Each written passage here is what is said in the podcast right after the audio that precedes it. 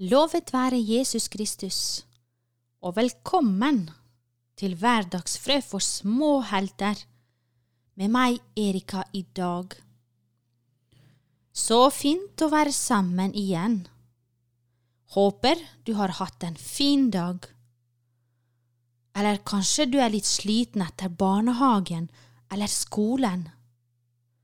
Det er helt normalt.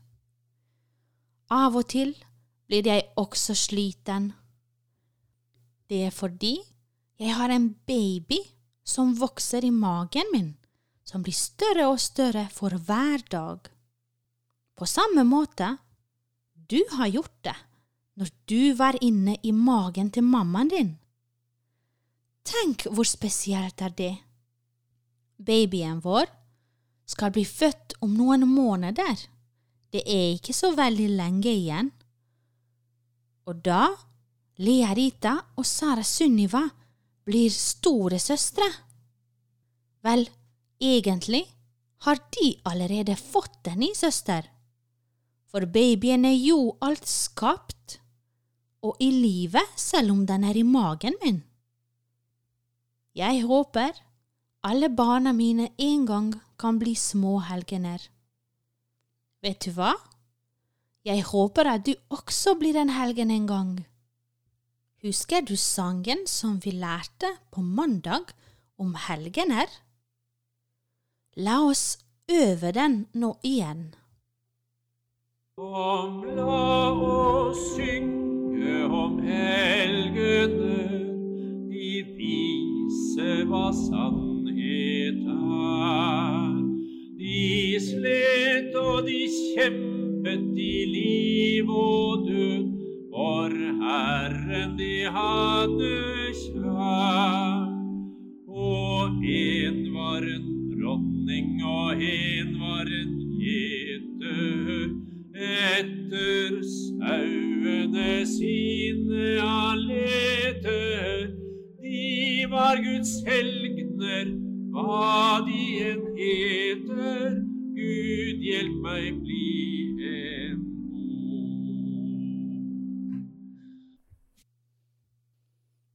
Takk til Amund, og takk til Reidun Jofri, som har laget denne sangen. Nå er det på tide med en ny katekese. Husker du hva søster Elisabeth snakket om sist? Hun snakket om at Jesus kaller på sine disipler, og vi lærte navnene til Jesus sine disipler.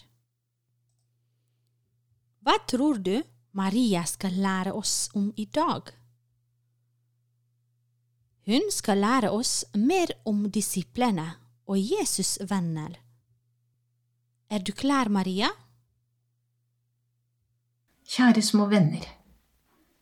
I forrige episode av Hverdagsfrø for små helter fortalte søster Elisabeth dere om hvordan Jesus kalte disiplene sine, fiskerne Peter og Andreas og Jakob og Johannes, tolleren Matteus og Philip som satt under treet. Jesus gikk omkring helt til han hadde funnet tolv menn som han kunne lære opp. Ordet disippel betyr nettopp en elev, en som lærer av en annen. Og hva var det Jesus ville lære disiplene? Jo, Jesus ville lære dem hvor høyt Gud elsker oss mennesker, og hva vi mennesker trenger å gjøre for å leve i Guds kjærlighet. Han sa til dem at han ville gjøre dem til menneskefiskere. Men noe av det aller fineste for de tolv disiplene var at Jesus ikke bare kalte dem elever og menneskefiskere. Han kalte dem også for venner. Jesus var inderlig glad i disiplene og ville dele alt med dem, gi dem alt, også sitt eget liv. Tenk hvor glade Peter, Andreas, Jakob, Johannes, Matteus og Philip, Thomas og Judas Tadeus, Simon og de andre må ha blitt når de hørte Jesus kalle dem for sine venner. Er det ikke fint når noen spør oss om vi vil være venner med dem? Vi blir glade når noen gjør det, ikke sant? Disippelen som Jesus var aller gladest i, apostelen Johannes, og som også har skrevet det fjerde av evangeliene om Jesus. Han forteller oss nøyaktig hvordan Jesus sa at disiplene var vennene hans. La oss høre. Og dette er mitt bud. Dere skal elske hverandre som jeg har elsket dere. Ingen har større kjærlighet enn den som gir livet for vennene sine. Dere er mine venner hvis dere gjør det jeg befaler dere.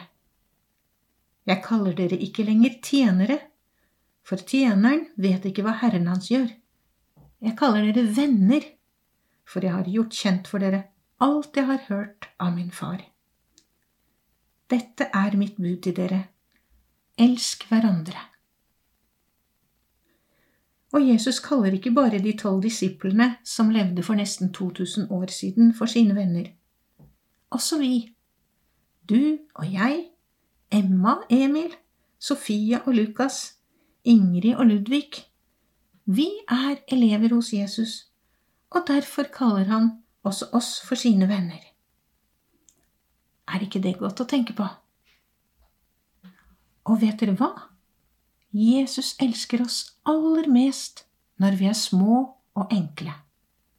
Når vi ikke tenker mest på oss selv, eller på å skaffe oss mest mulig rikdom eller ære.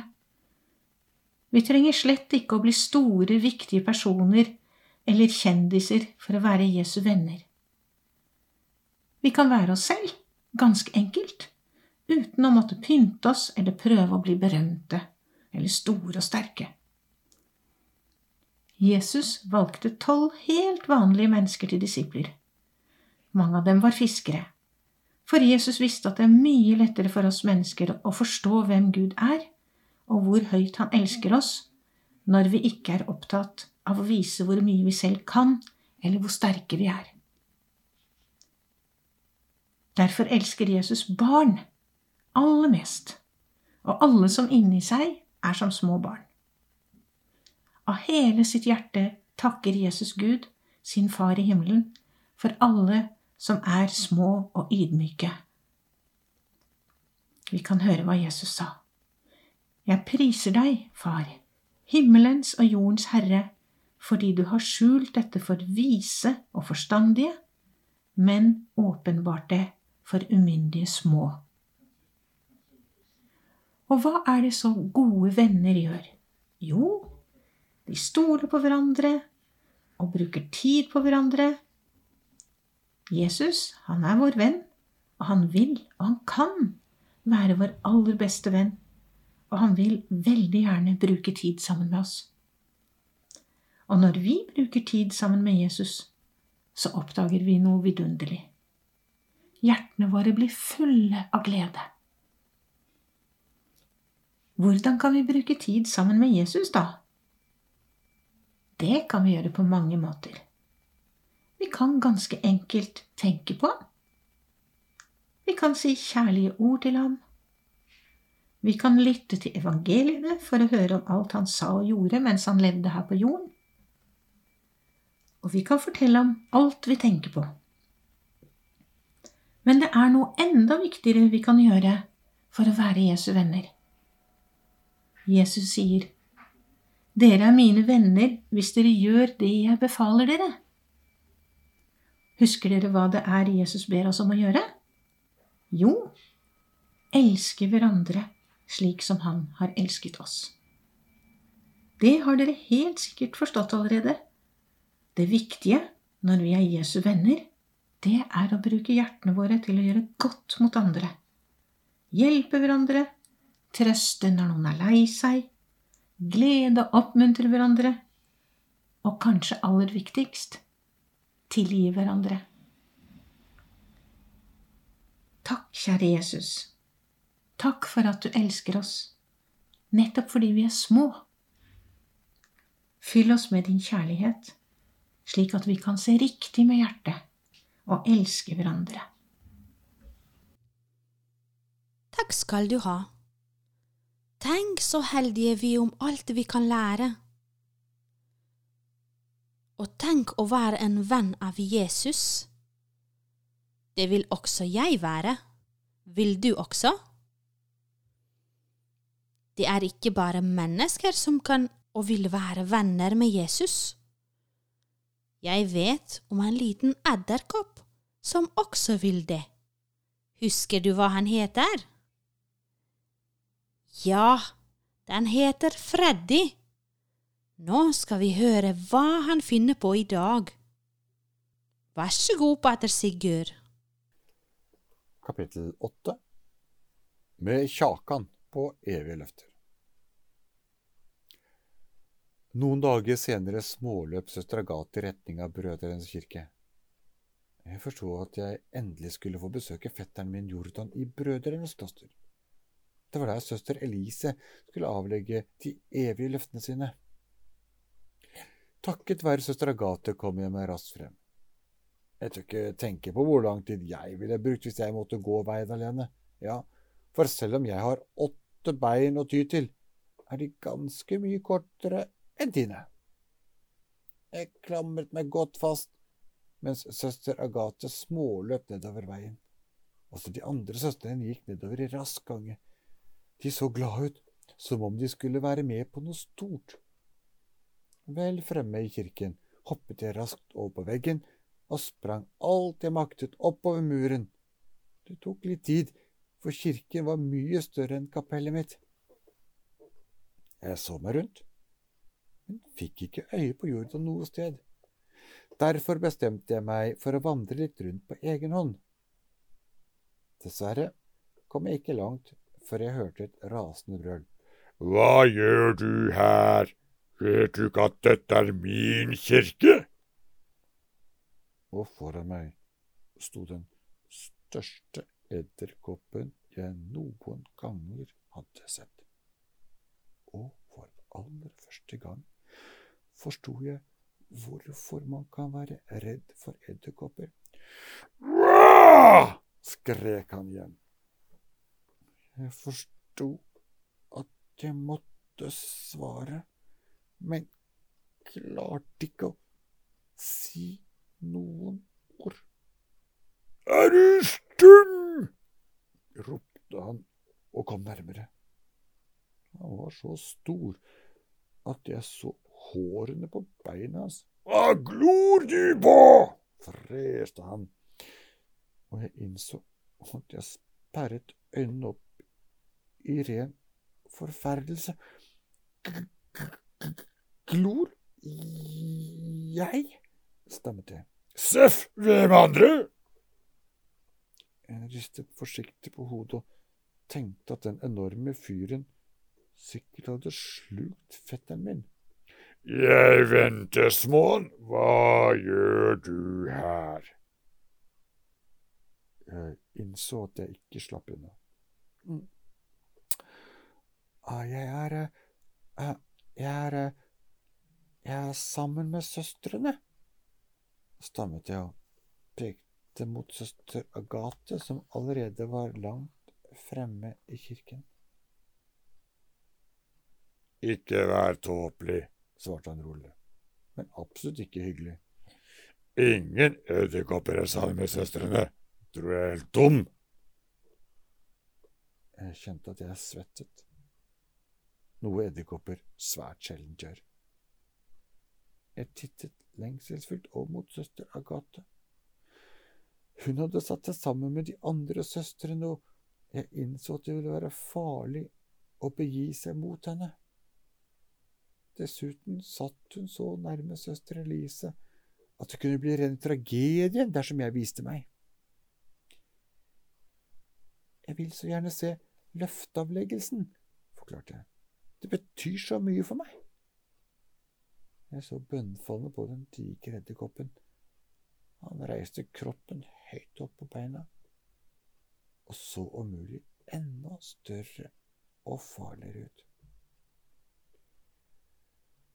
Det er mange nok edderkopper her. Forstår du? freste han og kom enda nærmere. Ja, ja, ja, ja, ja, ja, ja, ja, hvisket jeg. Jeg lover å gå så snart løftavleggelsen er over. Plutselig fikk jeg øye på fetteren min. Jeg må hoppet av glede, for den digre edderkoppen freste. Jeg krøp sammen, gjorde meg så liten og ynkelig som mulig, og det så ut til å roe ham litt ned. Jeg lot blikket gli nervøst rundt, slik at jeg innimellom så rett på fetteren min. Han prøvde tydelig å si noe. G-O-T-E, leste jeg på munnen hans. K-T, hvor? tenkte jeg febrilsk. Selv om den minste bevegelse kunne få den enorme edderkoppen til å sluke med en jafs. Jeg så fortvilt bort på fetteren min, og han formet leppene på ny, og denne gangen enda tydeligere. G-Å-T-E L-A-G E-N G-Å-T-E. Lag en gåte. Med ett forsto jeg. Jeg måtte gi den digre edderkoppen en gåte. Jeg husket hva onkel Frans hadde sagt en gang.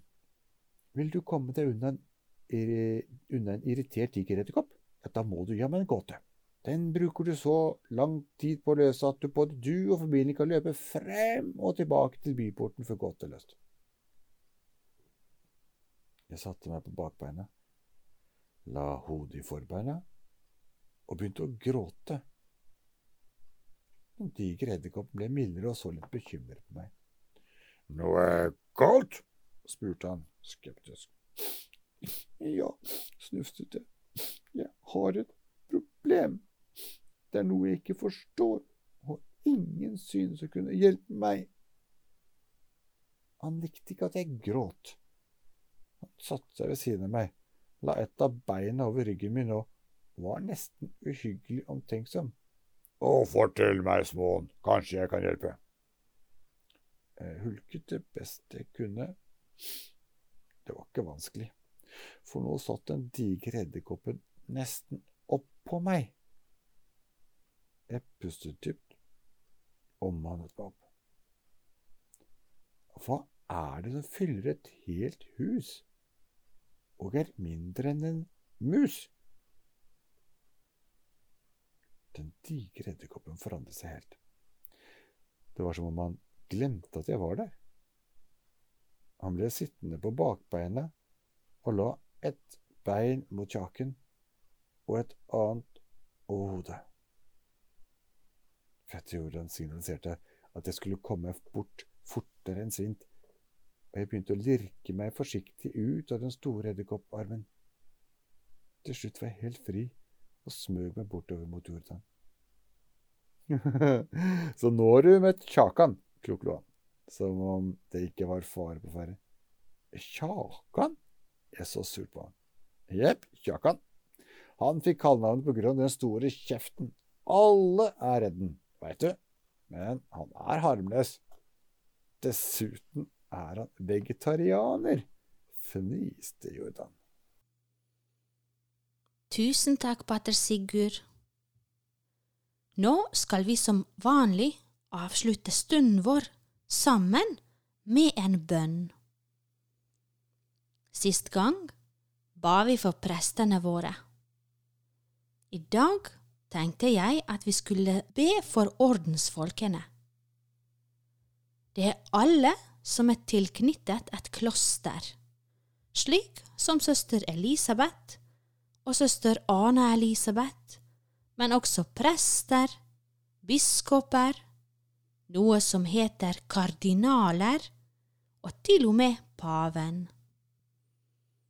Husker du navnet på paven vår? Ja, han heter pave Frans og tilhører en orden som heter jesuittene. Vi ber i dag særlig for alle ordensfolkene i Norge, men også i hele verden. Fader vår, du som er i himmelen. Helliget vorde ditt navn. Komme ditt rike. Skje din vilje, som i himmelen så på jorden. Gi oss i dag vårt daglige brød, og forlat oss vår skyld, så vi og forlater våre skyldere. Og led oss ikke inn i fristelse, men fri oss fra det onde. Amen. Takk for denne stunden. Så høres vi snart igjen i neste episode. Følg med, og vær nysgjerrig på Gud, og lær mer om ham. Ha det!